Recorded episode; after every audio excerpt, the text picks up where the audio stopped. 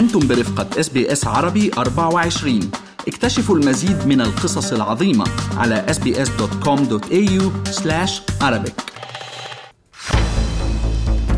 من مراسلينا أهلا بكم في رحلتنا الأسبوعية إلى العاصمة بغداد أنا بترا توق الهندي. وأنا فارس حسن وينضم إلينا من هناك على الهواء مباشرة مراسلنا أشرف العزاوي. يا هلا أشرف. أهلا وسهلا فيك. يعني سنبدأ بالعنوان العريض الأهم. كانت بغداد نددت بعدوان بين مزدوجين ضد سيادتها واستدعت سفيرها في طهران بعد ضربات إيرانية بصواريخ باليستية آه، على مواقع في إقليم كردستان آه، تحديدا. ما هي انعكاسات هذه الضربات وكيف تنعكس على العلاقة يعني بين العراق وإيران؟ وهل من آه، خطوات تصعيدية تنوي الحكومة العراقية اتخاذها في هذا الصدد؟ يعني هذا هذه الحادثة ربما أثرت بشكل كبير جدا على العلاقة بين البلدين فارس والضربات بالفعل عدة صواريخ استهدفت موقع واحد داخل محافظة أربيل في إقليم كردستان العراق في منطقة ملا عمر وتشير المعلومات إلى مقتل وإصابة عشرة أشخاص بضمنهم تاجرين بحسب المعلومات التي وردت عن السلطات المحلية في إقليم كردستان. هذا الملف آه، يبدو انه مفتوح إلى حين آه، فارس آه، قضية قصف إيران لاربيل دفعت بغداد لتقديم شكوى إلى مجلس الأمن وأيضا شكوى أخرى للأمم المتحدة بهذا الخصوص الخارجية العراقية تؤكد أن القصف الإيراني يمثل انتهاك لسيادة العراق وتقول أن الصراع بين واشنطن وطهران ينعكس على استقرار بلاد الرافدين وأيضا الصراع ما بين طهران وتل أبيب ينعكس على آه، بلاد الرافدين. آه، تقول آه، الخارجية العراقية ونقلا عن يعني تصريحات لوزير الخارجية تشير إلى أن قال بأن يعني إيران لا تستهدف بشكل مباشر إسرائيل ولكنها تستهدف مواقع داخل العراق تساءل إن كانت هي لا تستطيع استهداف إسرائيل أو أنها يعني تحاول ضرب بعض المواقع داخل العراق انتقاما من آه، من آه، يعني من إسرائيل. رغم الاتصالات الجارية فارس على خلفية هذا القصف بين آه، هنالك اتصالات طبعا بين بغداد وطهران على خلفية هذا القصف لكن غابت أي حلول أو توافقات من شأنها حلحلة الأزمة.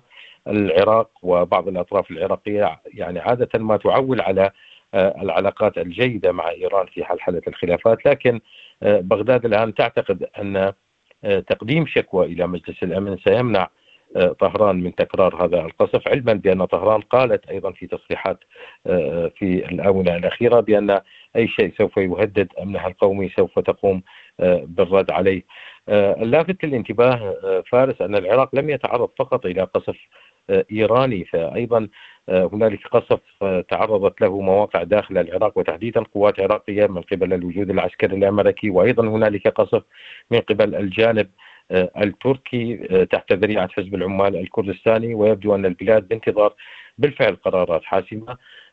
طبعا قصف مواقع في العراق من قبل دول يعني هذا الملف هو ملف مفتوح يأتي ربما تحت ذرائع مختلفة لكل دولة. آه، لكن بطبيعة الحال فارس آه، كل هذه الضربات وهذه الحوادث هي تنتهك سيادة بلاد الرافدين ويبدو أن العراق يدفع فاتورة آه، الصراعات الإقليمية بالمنطقة.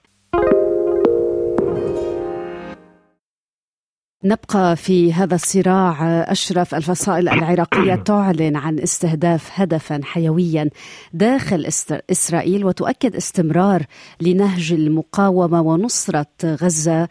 ما مدى تطور هذه الأسلحة لدى هذه الجماعات؟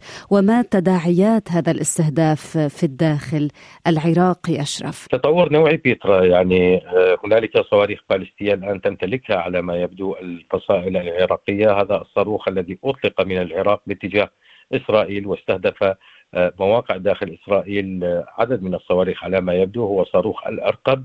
آه، يبدو أنه صاروخ بعيد المدى. هكذا تعلن الفصائل العراقية وتؤكد أن الضربات تأتي دعما للشعب الفلسطيني. هذا الصاروخ طبعا يشير من جانب إلى تطور القدرات التسليحية بعيدة المدى للفصائل وأيضا يعطي مؤشرات حول دخول الصراع مع إسرائيل مرحلة جديدة من جانب آخر. إسرائيل يبدو أنها في مرمى النيران بشكل مباشر سواء كان من الفصائل العراقية داخل بلاد الرافدين أو اليمن أو لبنان، هنا طبعا تحضر الكثير من التساؤلات حول قدرة هذه الأطراف على الدخول في حرب طويلة أو قدرتها على المطاول في المطاولة في الفترة القادمة. وربما يعني التساؤلات الآن الحاضرة كيف تمتلك هذه الفصائل هذه القدرة التسليحية؟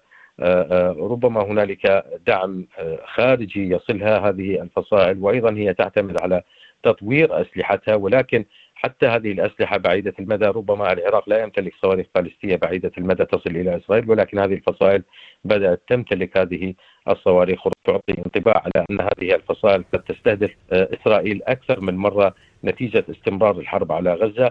هنالك جهات تتحد وحرب تتمدد الطائرات المسيرة أيضا والصواريخ متوسطة وبعيدة المدى هي السلاح السائد بإثر تواصل الحرب الإسرائيلية على ما يبدو في غزة معها تدخل المنطقة في خطر أمني قد يكون الخروج منه صعب جدا لا سيما وأن هذه الفصائل تؤكد بأنها لن تستهدف إسرائيل فقط بل حتى القواعد العسكرية الأمريكية أو الأطراف المتحالفة أو التي تساند إسرائيل في المنطقة. نعم أشرف اليوم الجمعة. خلينا نختم هذه الرسالة الأسبوعية بالحديث عن القهوة في العراق. كيف تقدم دلالاتها الرمزية أيضا؟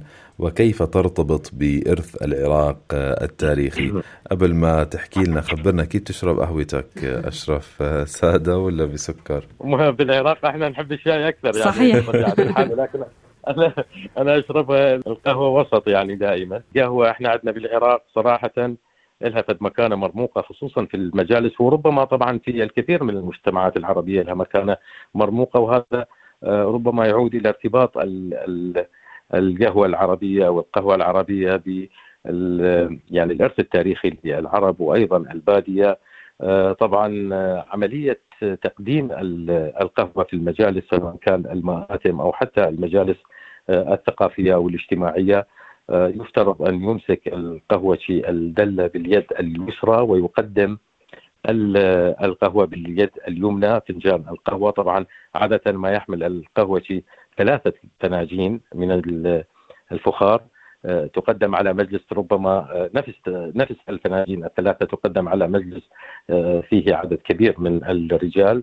ويجب على الضيف أن يستلم القهوة باليد اليمنى ولا يستلمها باليد اليسرى، باليد اليسرى تحصل مشكلة إذا استلمها باليد اليسرى يعني.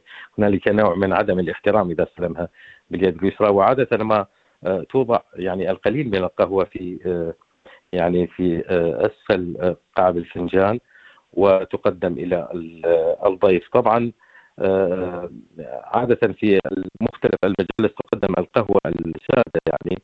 وهنالك أغاني وأهازيج وأيضا حتى أشعار كثيرة تناولت يعني القهوة العربية حتى قصائد مظفر النواب. مرينا بكم حمد التي غناها الفنان يا الصدر قال فيها مرينا بكم حمد وإحنا بقطار الليل وسمعنا دقق هوا وشمينا ريحتين أيضا في الغزل تقول العبوديه نوع من يعني هو نوع من الفن الشعبي العراقي. صرت قهوة الحديث بوسط فنجان حتى أن يعني الكثير من القصائد هي تتغزل بالقهوة ما بين القهوة العربية أو القهوة العربية وأيضا طريقة تقديمها وطقوسها بالنسبة إلى العراق في العشائر العراقية. طبعا كل المجالس في العشائر العراقية تقدم هذه القهوة وهي تعتبر نوع من أنواع يعني كرم أو ضيافة بالنسبة إلى العشائر العراقيه. بكل تأكيد. يعني بلا القهوة كل السفرة ناقصة وشمينا ريحة القهوة العراقية لهون أشرف، شكرا من قلبنا لك. استمعوا الآن إلى الموسم الثاني من بودكاست أستراليا بالعربي أحدث إصدارات إس بي إس عربي 24 يأخذكم في رحلة استقرار بعض المهاجرين العرب ويشارككم بأبرز الصدمات الثقافية التي تواجههم عند وصولهم إلى أستراليا